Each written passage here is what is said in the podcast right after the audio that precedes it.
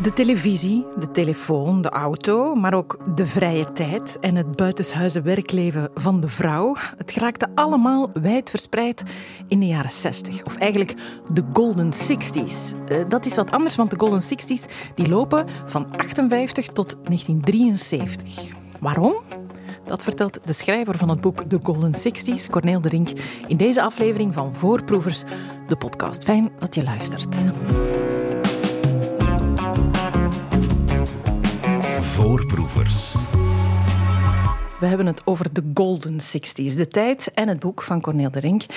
De ondertitel van jouw boek is uh, Hoe het dagelijks leven in België veranderde tussen 1958 en 1973. Mm dat zijn geen jaartallen met een zes in, ook al gaat het over de 60s. Nee, dat klopt. Um, maar dat heeft een reden. En dat wordt ook door historici eigenlijk wel uh, gedeeld, die mening. Namelijk dat uh, in 1958, en na de expo, de wereldtentoonstelling in Brussel, dat de economische groei eigenlijk in, in België enorm uh, omhoog schoot. dus we kunnen toch wel zeggen dat de gouden jaren toen begonnen. En ik land in 1973 omwille van de oliecrisis. We zitten nu eigenlijk in een vergelijkbare situatie, toch? maar toen was er de oliecrisis en de autoloze zondagen, waardoor dat mensen plots ja, beseften van het kan niet blijven duren. Mm dus die welvaarts-euforie die kwam toch een beetje ten einde. Vandaar dat dit boek ja, draait tussen 1958 en 1973. Ja, ja dus de Golden Sixties zijn um, meer een gevoel dan echt een jaar uh, of een decennium. Ja, een soort economische realiteit eigenlijk. Ja. Een, een, periode van economische boom waarin dat de bomen tot in de hemel leken te groeien. En plots was dat niet zo. Ja, ja de, de horizon werd uh, niet gezien en de sky was zeker de limit. Ja, ja. Um, jij ziet er verser uit, zal ik zeggen, dan iemand die in de jaren 60 al, le al, al, levend was. Uh, waarom ben je gefascineerd door die periode? Well, ik ben van het bouwjaar 1986, dat, dat geef ik meteen toe aan uh, de luisteraar. Um, maar natuurlijk, ja, ik heb ouders die zijn geboren in 1956 en 1957. Dus ja, de vraag was van hoe zag het leven eruit toen dat zij het levenslicht zagen. Dat vond ik wel een leuk vertrekpunt. en ik heb natuurlijk ook grootouders, uh, bijvoorbeeld mijn, mijn oma uit Poperingen, want daar kom ik eigenlijk vandaan, uh, geboren in 1933. Ja, die had zo'n beetje mijn leeftijd eh, toen dat de Golden Sixties volop aan de gang waren. en natuurlijk heb, ben ik vaak op familiebezoek geweest bij mijn oma in Poperingen. En dat was dan met een, een beste kamer, zo'n soort bloemetjesbehang, zo wat bruin-groenachtig. er stonden daar stijlmeubels, er, stond daar, of er lag daar een, een slagtand van een olifant aan onkel Pastoor uit Congo had meegebracht. Dat was ook iets typisch. Vandaag word je daarvoor uh, opgepakt uh, voor stroperij. Toen mocht dat nog allemaal. Uh, er stonden daar encyclopedieën. Ik weet niet, misschien kon je dat wel verzamelen met spaarpunten. Dat kon. Mm. en ook ja, een, een buizenradio bijvoorbeeld. Uh, en om naar het toilet te gaan, moest je eigenlijk je schoenen aandoen en moest je naar buiten gaan. Dus dat was ja, de sfeer van de jaren 40, jaren 50. Uh, dus natuurlijk heb ik ja, een soort familiale link toch wel met die jaren. Ja, ja. het is oma Georgette, want aan haar uh, ja. draag je het boek ook op, hè? Ja, ja oma Georgette, die ik voor mijn eerste boek, vroeger was alles anders, dat ging toen over de jaren 57 eigenlijk, heb ik nog kunnen interviewen, omdat ze nog helder bij geest was.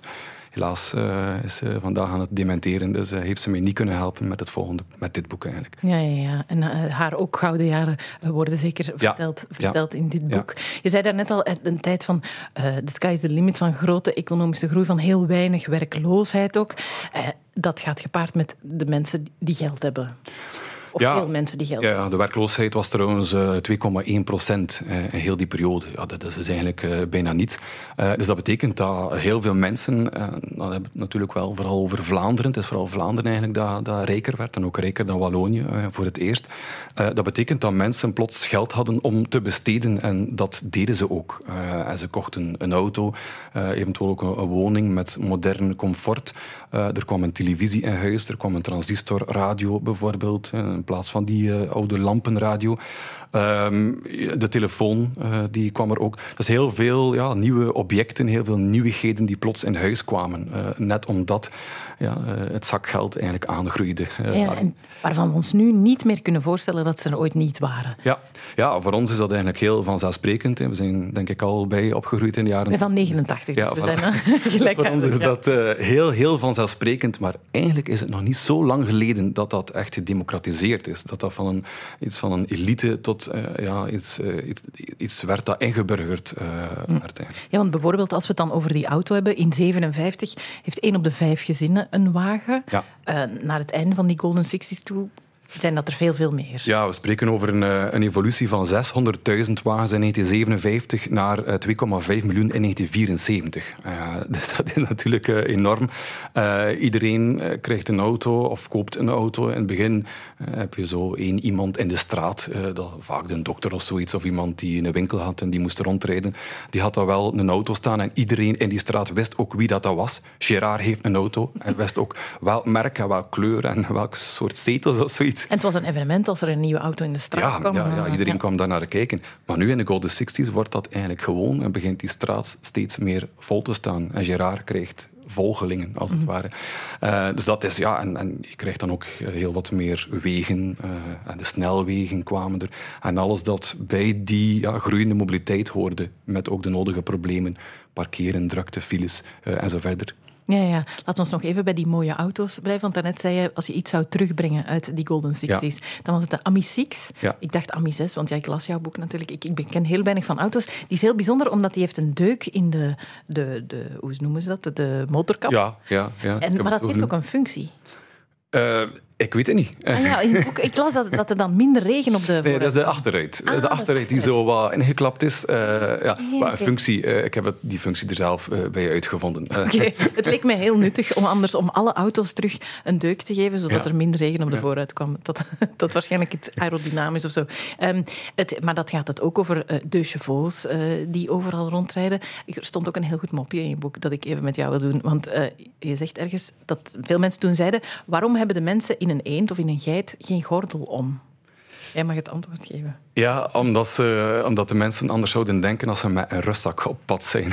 dat zodanig klein was. En die, die autootjes, ook, eh, bijvoorbeeld de Fiat bijvoorbeeld, werd dan ook verleken met een rustzakje. Omdat dat echt, uh, dat waren de populaire Volkswagentjes, dat waren uh, heel kleine autootjes in het begin. Ja, ja, goed. De humor is hetzelfde gebleven sinds de jaren 60. Dat is bij deze bewezen. Um, wat, wat ik ook leerde, was dat er een handleiding uh, bij zat bij die auto. Dat zit er nu nog bij. Maar vooral voor de eerste kilometers. Ja, het was belangrijk om een auto in te rijden, te roderen. Zodanig dat uh, de bewegende onderdelen, uh, de motorstukken, wat is het allemaal? Ik ben dus ook geen kenner, maar dat het allemaal op elkaar kon inslijten, dat de olie daardoor kon lopen. Dat was eigenlijk de bedoeling.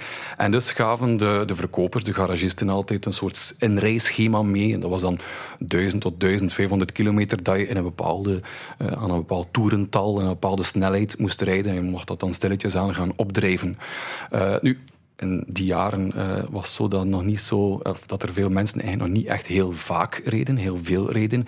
Misschien een keer de zondag uh, op familiebezoek. Dus dat betekent ook dat er wellicht mensen zijn geweest die levenslang hebben ingereden, veronderstel ik dan. ja, ja, waarschijnlijk, of toch, toch heel lang. De mensen die aan het stuur zaten, dat was in het begin vaak de man. Ja. Uh, maar dan mogen vrouwen mogen natuurlijk ook met de auto rijden. daar hebben we een, een fragment van. We gaan eerst even luisteren. Goedendag mevrouw. Dag meneer. Uh, mag ik u vragen, rijdt u veel per auto? Ja, als ik de kans zou krijgen. En als misschien meneer er uh, geen beslag op legt, Goed. zou ik wel veel rijden. Zijn er zaken in de wagen die u als vrouw automobiliste minder prettig vindt? Zou u willen dat er meer uitrustingen komen en zo verder? Oh ja, ja. Ik heb iets speciaal voor, ik zou iets willen voor mijn handtas vast te leggen. Want bij hard remmen vliegt hij altijd naar voren. Ah ja. Wat denkt u van de heren automobilisten? Oh, de heren automobilisten, ja. Die zitten altijd geweldig op de nek van de vrouw natuurlijk. Maar er zijn toch ook wel vrouwen die goed rijden. Maar dat willen zij nooit bekennen natuurlijk. En als er een belemmering is in het verkeer, is dat natuurlijk altijd, ja, het was weer een vrouw. Het cliché van de slechtrijdende uh, vrouw is ook in de Golden Sixties uh, ontstaan, dat is duidelijk. Uh, je, je, schrijft ook dat, dat er lezersbrieven in Libel binnenstromen van de kwade vrouwen daardoor. Ja, vrouwen die, die ja, toch ook eens wilden rijden. de man die, die ja, eiste de auto op. dat, dat merk je toch heel vaak. Ehm, de uitdrukking was ook nog, wees een heer in het verkeer. dus de dame kwam eigenlijk in zo'n uitdrukking niet voor. Dus dat betekent ja, dat mannen eh, de auto en het stuur toch moeilijk konden uh, afstaan. Uh, ik heb trouwens ook een aantal ja, uh, rijtips voor vrouwen uit de libellen gehaald, die eigenlijk ook ja, vandaag de dag een klein beetje dat- seksistisch overkomen. Dat moeten we zeggen. eh, veel van de dingen eh, klinken nu heel seksistisch. Hè? Vrouwen die alleen maar aangesproken worden als het over het huishouden gaat. En dan mannen die alleen maar aangesproken worden als het over de auto gaat. Maar in deze worden de vrouwen wel aangesproken over de auto. Eh, lees maar eens wat tips voor deze vrouwen krijgen. Ja, kan nog altijd nuttig zijn, hè? Kan, hè? Dus het komt uit, de- uit de Libelle van april 1966. eh, en eh, ze gaven eigenlijk een aantal rijtips voor vrouwen. De eerste was bijvoorbeeld... Let u goed op wanneer u in de auto stapt. Probeert u vooral gracieus te blijven. Misschien hebt u mooie benen, maar dat is nog geen reden om ze op een onhandige manier aan onbescheiden blikken bloot te stellen. Tip Dan een beetje ja. verder. Tip nummer drie. Wie achteruitkijkspiegel zegt, denkt ook aan de spiegel. Mevrouw, wanneer zult u die verschrikkelijke gewoonte afleveren, afleren sorry, u snel door uw eigen persoontje te laten afleiden? Op deze manier brengt u uw eigen leven en dat van anderen in gevaar. Ja. Ja, ja, ik moest er hard om lachen, eh, maar ook niet. Ook omdat het is, staat in de libel. Eh, ja. Dus dan zou je denken, daar worden de vrouwen toch aangesproken op een manier die iets aangenamer is voor een vrouw om te lezen. Maar nee. Ja, dat, dat, dat gebeurt ook wel. Ik heb eh, al 15 jaargangen van libellen doorgenomen. Eh, iemand moest het doen. Ja, want dat Of was jouw- een groot stuk van jouw research. Eh, ja, ja, ja, de libellen en, en bij de haard en zo van de Boerinnenbond, zo van die oude tijdschriften, de Humo, dat ging dan over televisie en zo verder. Maar dus de libellen was inderdaad echt wel een belangrijke bron. En maar dit, dit valt wel op. Dit komt nu wat seksistisch over, maar heel vaak waren er ook artikels over de vrouw die ging uitwerken. Hè. De buitenshuiswerkende vrouw, dat was ook een, een thema. Dus dat, eh, dat tijdschrift verdedigde wel degelijk de belangen van de vrouw. Ja, ja. Maar goed, het waren andere tijden en andere Ja, dingen. zeker. Maar tegelijk zijn er ook cijfers die meteen ontkennen dat de vrouwen de slechte chauffeurs zijn. Want de mannen eh, veroorzaken veel meer ongevallen. Ja. Ook heel vaak door te drinken. Ja, dat was iets typ- typisch mannelijk. Schrijnende verhalen Ja. Eh, over eh, kinderen die buiten leren om, het, om de straat veilig over te steken. En, en aangereden worden door een dronken vrachtwagenchauffeur. Ja, ja, dat gebeurde in eh, 1966. eh, dat, eh, in, in Assen, Walf, Walvergem eigenlijk, een bekend accident waarbij dat 14 kinderen eigenlijk eh, op eh, de stoep voor de school aan het leren waren over het verkeer. Hoe steken we over?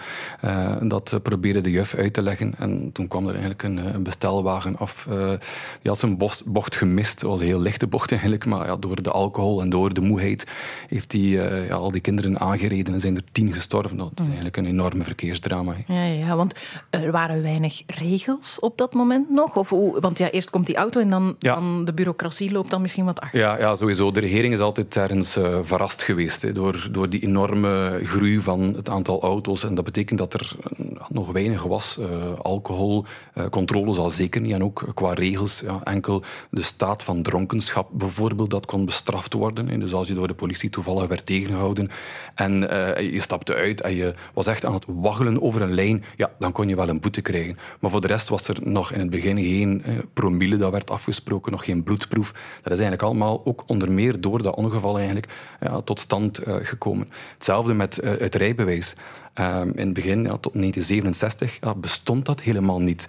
Nee. Dus je mocht gewoon, hè, als je boven 18 jaar was, mocht je gewoon de baan op. Je hoefde geen regels te kennen. Je hoefde niet te kunnen rijden. Doe maar iets, probeer het en we zien wel. En dan wordt het ingevoerd, het rijbewijs. Daar hebben we ook een, eh, een mooi interview eh, van die tijd eh, van gevonden. Om u te weten hoe de zaken juist staan in dit verband, zijn we eventjes ons licht gaan opsteken bij de heer senator de Keizer, eh, gelast met het onderzoek in verband met het rijbewijs. Heer senator, wanneer denkt u dat het eh, rijbewijs hier in België zou kunnen ingevoerd worden? Wel, commandant, dat zal niet lang meer duren. En vanaf waarschijnlijk het begin van volgend jaar kunnen we zeggen dat we het rijbewijs invoeren. Dan is er een andere zaak, een andere vraag die eh, de bestuurders voorzeker zal interesseren. Dat is te weten wie het rijbewijs krijgt en hoe men het zal verkrijgen. Dus te zeggen, zijn er geen proeven voorzien. Nee, commandant, we moeten werkelijk aan de mensen die gaan rijden zeggen joh, dat dat zeer, zeer eenvoudig zal zijn. Zij zullen doodgewoon een formulier gaan halen en in dat formulier invullen. En in dat formulier zullen zij moeten verklaren, ten eerste, dat ze kunnen rijden. Ten tweede, dat ze dus geen lichamelijke gebreken hebben die het rijden zouden beletten. Ten derde, dat ze natuurlijk kennis hebben van de wegcode. En ten vierde, dat ze nimmer ontzegd zijn tot het recht van rijden. Trots op, hè, dat het zo simpel zal zijn om een rijbewijs af te halen. Ja. Eh, ja, het is ook weer iets dat je je niet kan voorstellen dat er nu zoiets zou... Het kwam er eigenlijk op neer dat de regering het niet zag zitten om drie miljoen bestuurders uh, ja, allemaal een theoretisch examen voor te leggen. Ja, die, die zagen dat echt niet mogelijk. Um, of een dus, praktijk. Ja, ja, ja, dus het was gewoon eenvoudig van uh, we zien het niet zitten, dus verklaar gewoon dat je kunt rijden. we vertrouwen u daarop. zorg gewoon, of zeg gewoon dat je geen fiscale letsels hebt. plak er fiscale zegels op voor 250 frank. En dan kon je bij het gemeentebestuur inderdaad gewoon je rijbewijs gaan afhalen. Maar ja, ook heel veel mensen die niet konden rijden hebben dat gedaan. Dat is een soort van fraude eigenlijk.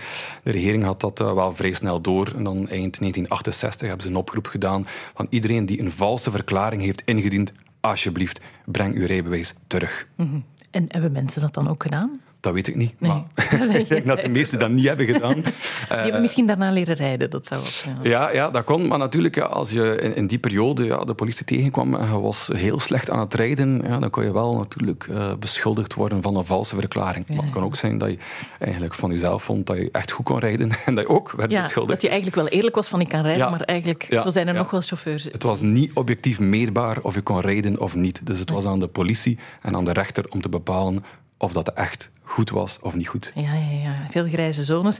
Nu, leren rijden is één ding, maar er zijn ook kleinere dingen die je moet leren. Uh, bijvoorbeeld uh, de werking van de parkeerschijf. Uh, op dat moment moet dat ook uitgevonden worden. Ja. Ja, de, de blauwe zone die, die kwam er eigenlijk na 1965, want toen kregen steden en gemeenten de toelating om dergelijke zones eigenlijk af te bakenen. Dat is trouwens iets dat uit Parijs afkomstig is. Op een bepaald moment in 1953 dacht de Franse politie van het wordt hier wat druk in de hoofdstad. Ze hebben eigenlijk een hele zone op een kaart aangeduid met een blauwe stift. Vandaar Zone Bleu, blauwe zone. Die naam is eigenlijk gebleven. En dus in België hebben we dat dan uh, overgenomen uh, en is dat in verschillende steden eigenlijk uh, ingevoerd. Natuurlijk meteen begon er ook al mee gesjoemeld te worden. Mensen die dan toch snel eventjes terugkeerden om de schijf te verdraaien. Het zal nu nog wel gebeuren. Ja, ja natuurlijk. natuurlijk. maar toen is dat allemaal begonnen. En ook de parkeermeters, het betalend parkeren, wat dan natuurlijk bij heel veel mensen op tegenstand stoten. Want je moest al betalen om te rijden en nu moest je ook betalen om te stoppen. Uh, bijvoorbeeld André Franquin, de striptekenaar, die maakte dat duidelijk in zijn strips van Guus Vlater. Uh, die, die was echt tegen uh, die parkeermetertjes. Dat, dat waren eenbenige gauwdieven, die waren uitgestuurd door de gemeente. Dat, was de echte sfeer in die strips. En dus ook bij heel veel bestuurders. En in die strip zag je dan, was dan die parkeermeter aan het omzagen, of er was er een, er was een vogelnestje in, of hij ging er vuurpijlen aan. En bij de zoveelste verjaardag, was 50ste verjaardag zeker van Guus Vlater, is het ook zo dat de stad Brussel heeft beslist om uh, het betalend parkeren voor één dag te laten vallen. Dat is wel mooi dan. Ja, ja dankjewel daarvoor, ja. Belgische humor. Ja. ja. zeker. Ja, de auto heeft alles veranderd. We hebben het nog niet over autostrades en tankstations gehad. En uh, het, het staat allemaal in jouw boek. Voorproevers.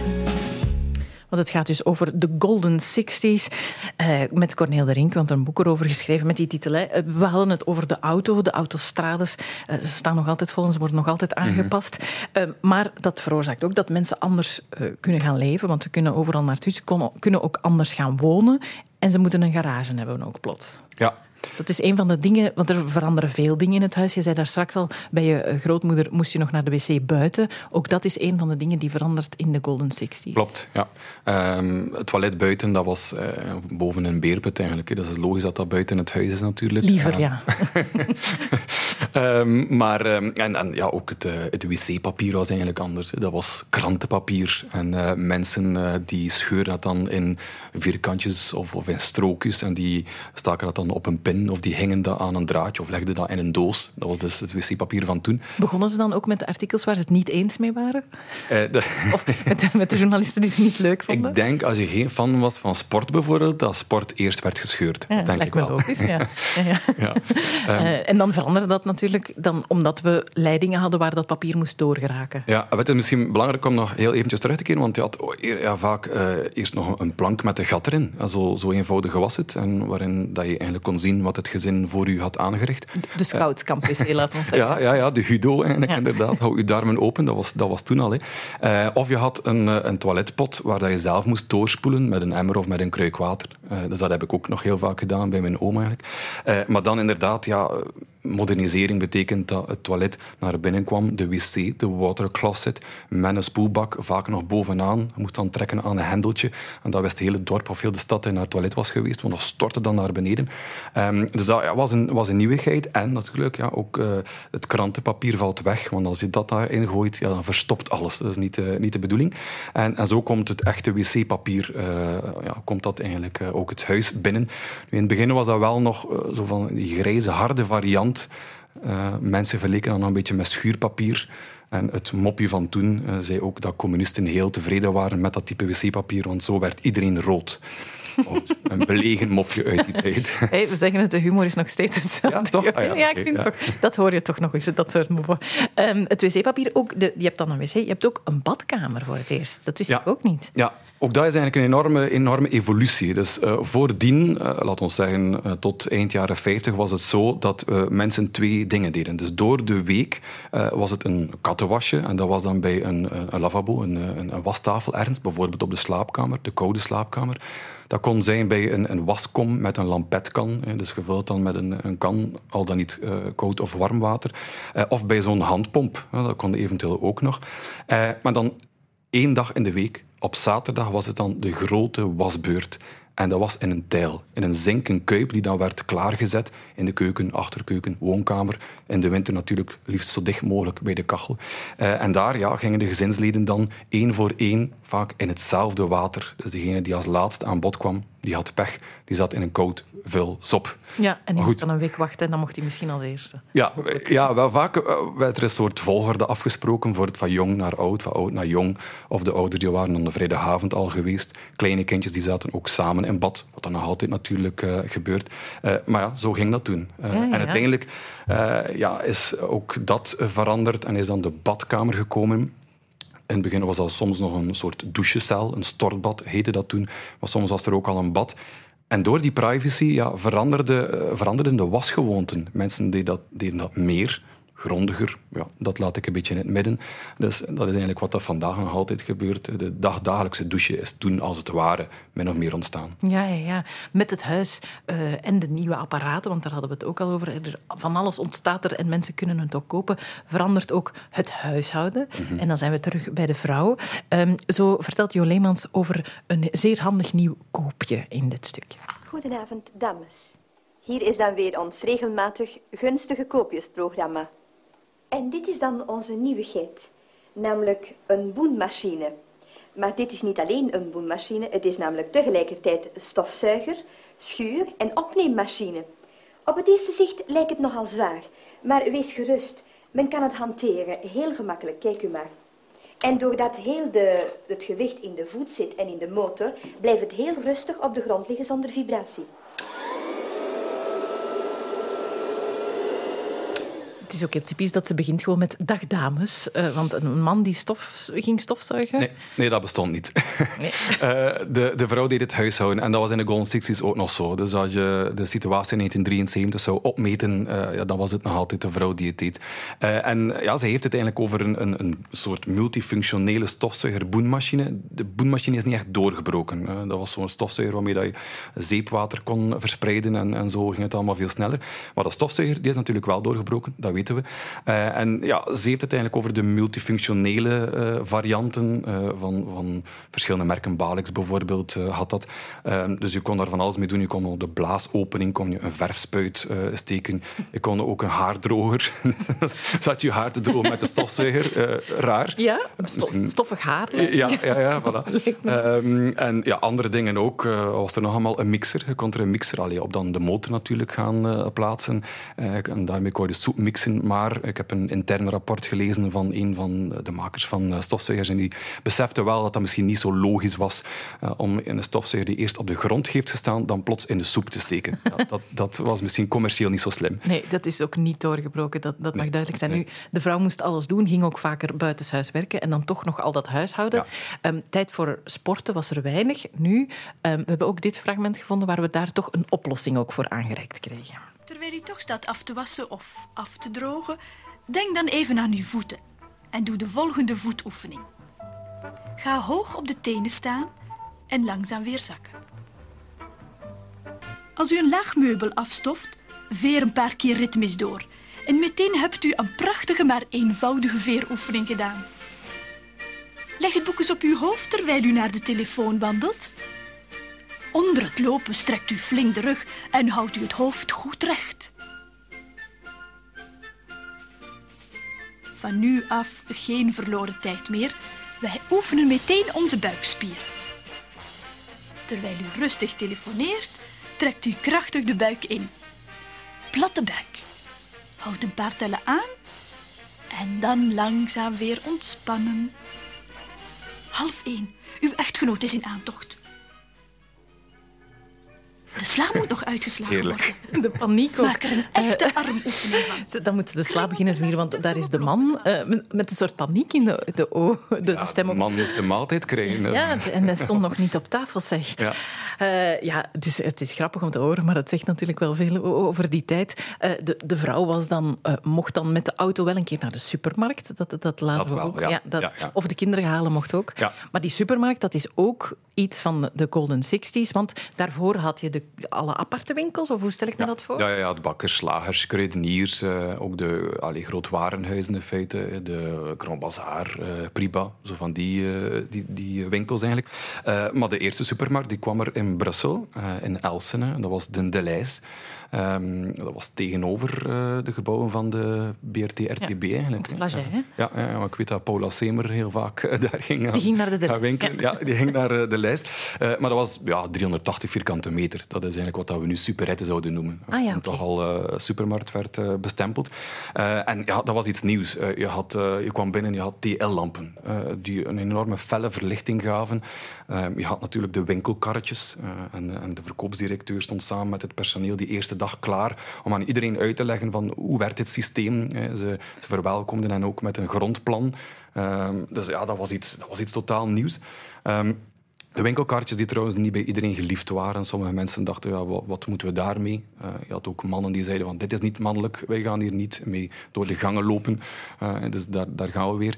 Ehm, en dan ja, de, de bediening. Eh, dat, dat was eigenlijk iets dat ze gewend waren. Nu had je zelfbediening, je mocht zelf de producten uit de rek Je mocht die aanraken. Die Ja, je mocht die aanraken. Dus in het begin waren er heel veel mensen die eh, toch aan de verkopers bleven vragen van ben je zeker dat we dat uit de rekken mogen halen?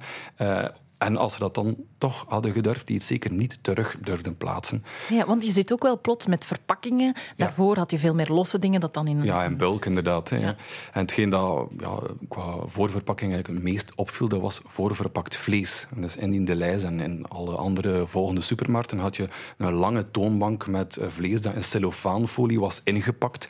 Eh, en dat was iets dat heel veel commentaar opwekte. Eh, de huisvrouwen die dachten, ja, dit, dit is oud vlees, dat vertrouwen we niet. Daarom had de de lijst eigenlijk ook eh, ja, een aantal trucjes eh, gepresenteerd. Dus eh, ze stonden met medewerkers achter die toonbank om altijd present te zijn als ze vragen hadden. Je had een bel waar dat je kon opdrukken als er dan toch niemand aanwezig was.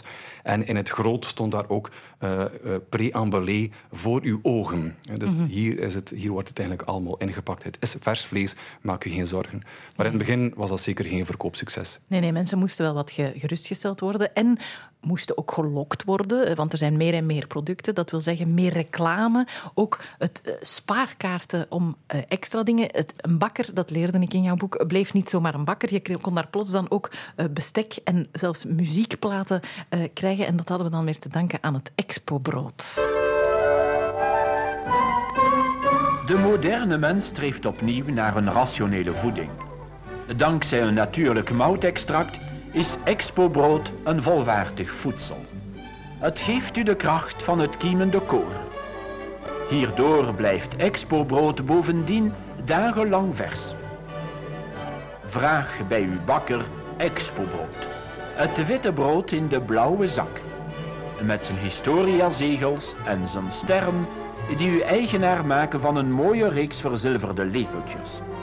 Maak van Expo-brood uw dagelijks brood. Expo-brood blijft vers. Dus de spaart u de zegeltjes die we nu nog altijd horen in de supermarkt, heeft ook Wat is een oorsprong in die Golden Sixties? Ja, sparen was echt iets, uh, ja, echt iets dat toen heel populair was. Inderdaad, ook omwille van die explosie van soorten en van merken en van producten. Uh, maar Expo Brood spannen daar zeker uh, de kroon in. Dat was een spierwit brood, wat we vandaag een beetje kunnen vergelijken met het toastbrood, ook weer uit de supermarkt. dat bleef inderdaad dagenlang vers, omdat er heel veel verbeteraars, heel veel ja, ja, extra ingrediënten eigenlijk in die bakmix zaten. en het grappige gaat ook ook van als dat brood van tafel viel, dat het er vanzelf weer opsprong. er zat ook een blekenmiddel in dat vandaag verboden is, om maar te zeggen. Ja, ja alle tijden dingen, zijn veranderd. Ja. ja. Ja, sommige dingen zijn wel veranderd. Um, nog één uh, reclamecampagne die ik zelf even wil vermelden, omdat een hele mooie foto in jouw boek krijgt. Dat is de kameel van Soubri. Normaal noemen wij geen merken, maar dat moet in deze wel. Waarbij een kameel op scholen langs ging, zodat kinderen op de kameel op de foto konden, om dan toch maar reclame te maken. Radio 1 voorproevers. We hebben het te danken aan de Golden Sixties, de tijd en het boek eh, van Corneel de Ring. Corneel, we hebben het al over van alles. Gaat er veranderd zoveel in de jaren 60 en die Golden Sixties. Uh, ook als het over reclame gaat, ook zeker belangrijk nu, uh, toen iets minder nog, want de televisie doet ook zijn intrede in het huis. dat wil ten eerste al zeggen dat de zetels anders moeten staan. Ja, Klopt, je had een uh, evolutie van 190.000 toestellen in 1957 naar 2,3 miljoen eind 1973. Uh, dat is uh, met andere woorden heel veel mensen kochten een televisie. Ja, hallucinant zou het worden. Ja, ja, ja, ja. En, en eigenlijk, ja, voordien keken er ook al heel veel mensen televisie, maar dat was dan bij een buur of op café, want die cafébazen die waren, er, waren er als de kippen bij om ook een toestel aan te kopen, zo zat het café vol. of voor de etalage van een elektronica winkel. Mm -hmm. natuurlijk, de verkopers die dachten, we gaan toch maar een televisie laten spelen in de avonduren, want anders was er geen tv. Uh, en daar stonden dan ja, groepjes mensen voor naar het journaal te kijken. Zoals je vroeger naar het journaal moest kijken, moest je, moest je de fiets nemen en, en naar daar gaan. Naar de, naar de winkel. Ja, ja. Maar, maar, daardoor, ja, dat was ook reclame. En, en, iedereen dacht van, we gaan toch maar zelf een toestel in huis nemen. We vinden het niet leuk dat onze kinderen iedere, iedere avond bij de buren zitten, bijvoorbeeld. dus dat verklaart, ja, ook met, samen met sociale druk en zo verder, toch die enorme explosie van het aantal televisies. Dat waren ook grote bakken die dan in huis kwamen, die dan op een speciaal tv-tafeltje werden gezet, eventueel dan met de programmatie zo op het tussenplankje. Um, de antenne op het dak, dat was ook uh, iets dat, uh, dat toen kwam en dat duidelijk maakte van hallo, wij hebben een televisie. Want dat was ook een mhm. statussymbool natuurlijk. Zeker. Er waren zelfs mensen die een antenne op een dak zetten uh, puur om de indruk te wekken dat ze een tv hadden, maar ze hadden geen toestel. Ja, ja, ja. Een statussymbool. Ook iets om voor te waarschuwen, want kinderen kijken ook televisie. En, en daar was toch ook toen al heel veel van de dingen uh, die je schrijft in je boek zijn nu op iets anders toepasbaar. Hè? Als je nu Smartphones denkt, of zo, ja. Voilà, dan kom je hier ook weer op uit. Wij, onze kinderen, kijken nooit naar televisie. Met uitzondering dan de zondag, dus het kleuterkwartiertje van Tante Lieve. Omdat ik vind, ons kinderen, ik heb er vijf en ons oudste is acht jaar, het kleinste anderhalf jaar. Ik vind, de programma's gaan gewoonlijk boven hun petje. En toch kunnen zij niet weg van de televisie dan. Zij leggen zich neer, zij blijven kijken en zij worden lui. Kinderen mogen alle dagen naar de televisie kijken, tot acht uur. Maar er zijn ook wel eens speciale gevallen, zoals Schipper naast Mathilde of de zondagprogramma's, dat een beetje later wordt. Ik moet nu werkelijk zeggen, mijn weerzin tegen de tv heb ik opgedaan in de Verenigde Staten in 1954 bij familiebezoek al daar. Waar ik noodzakelijkerwijze elke avond wel naar de televisie moest kijken, omdat uh, de tv in Amerika het familiaal leven werkelijk kapot heeft gemaakt. Ons weinige contactmomenten met onze kinderen gaan niet teloren, worden verkwist aan tv. De schuld van Amerika en de meningen verdeeld over televisie, dat is heel duidelijk, hè? Ja, ja allee, het was zo dat, dat er heel vaak in die tijdschriften werd gewaarschuwd inderdaad, voor de sociale gevolgen van televisie. Dat zou het gezinsleven inderdaad helemaal kapot maken. Man en vrouw zouden niet meer met elkaar babbelen. Uh, kinderen zouden moe uh, toekomen in school. En, en, het was ook zo dat er inderdaad een studie was die zei dat heel wat kinderen die inderdaad televisie hadden, ja, slechtere schoolresultaten haalden is dat nu een studie die echt is gebeurd of die een beetje door de tegenstanders eh, naar voren werd geschoven? Dat weet ik niet. Maar uh, om nu toch eventjes weer terug te komen op de libellen, dat we al mhm. af en toe hebben vermeld. Uh, ik wil misschien een, een lezersbrief voorlezen ja, van een vrouw, een soort wanhoopskreet, um, over ja, de gevolgen van de tv voor haar gezin. Ze zei... Mijn man bedriegt mij met de televisie. Alles was goed in ons huwelijk tot een jaar of drie geleden mijn man op het idee kwam een televisietoestel te kopen. Sedertien heb ik geen man meer, maar een televisiekijker. Als hij thuiskomt is zijn eerste vraag: wat is er vanavond op de tv? Aan tafel eet hij zonder veel aandacht. Ik kan klaarmaken wat ik wil, hij heeft er geen aandacht voor.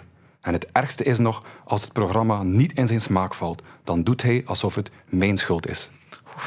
Zwaar, hè? Ja, zwaar. Ja, ja, het, zal wel, het zal wel voor problemen gezorgd Ja, hebben. maar ik vraag me af wat er met dat koppel is gebeurd. Dat, dat wil ik heel graag weten. Bij deze, als het een, toevallig een anekdote is die je kent en een brief die je kent, we horen het heel graag in de Radio 1-app. Eh, zeker, zeker, zeker. Eh, ja, veel discussie over heel veel van de, de nieuwe dingen. Wat mij, wanneer ik het aan het lezen was, viel mij op dat sommige van de dingen die toen, of veel van de dingen die toen geïntroduceerd werden, dat we daar nu soms een beetje terug van af zouden willen. De vele verpakkingen in de supermarkt, de twee auto's per gezin. De, toen werden alle fietspaden eh, weggedaan en alle groene zones in, in steden om parking. Heel veel dingen worden nu net wat teruggedraaid van die Golden Six. Ja, je hebt bijvoorbeeld verpakkingsloze winkels. Ja, dat is natuurlijk iets dat we al hadden. Dat is van de jaren 50. Mhm. Je hebt ook een, een nostalgie naar de periode dat er overal nog trams rondreden. Dan zitten we ook eh, op het einde van de jaren 50 met 4000 kilometer uh, buurtspoorwegen, zoals dat dan heette. Uh, dus je hebt ook ja, de, de snelwegen eigenlijk, waar, waarvan dat we denken, ja, moesten het er wel zoveel zijn? Mm -hmm. Oké, okay, we hebben ze intussen en het heeft ook wel zeker gezorgd voor een economische heropleving, maar iedere, ieder, iedere nieuwigheid als het ware heeft zijn voor- en zijn, en zijn nadelen. Mm -hmm. dat, dat is zeker, ja. ja. En zijn effecten, want de telefoon komt er ook. En daardoor zeg ik nu nog altijd, uh, hallo met Annelies Moons, terwijl mensen wel best weten dat ze mij gaan bellen natuurlijk. Ja, maar dat stamt ook uit die tijd, uh, toen je natuurlijk niet kon zien wie dat er uh, belde. je kon helemaal geen informatie zien. en ja, je hebt dan heel veel, in beginjaren eigenlijk heel veel tips van hoe dat je moest bellen. Uh, je mocht vooral niet te lang. Uh, je mocht niet over ditjes en de, allee, over koetjes en kalfjes bedoel ik uh, praten. Dus het moest vrij kort en zakelijk zijn. En je moest inderdaad opnemen met, met Corneel Drink bijvoorbeeld. Met wie spreek ik alsjeblieft? Ja, ja, ja. Want anders als je hallo zei, ja, dan moest de andere persoon weer iets vragen. En dat was allemaal tijdverlies. Het moest snel gaan. Ja, ja, ja. Fantastisch. Hè? Heel veel dat soort voorbeelden in The Golden Six is jouw boek, Corneel Drink. Voorproevers.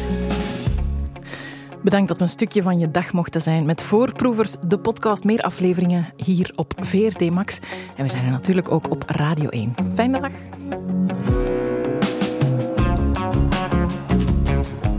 Voorproevers.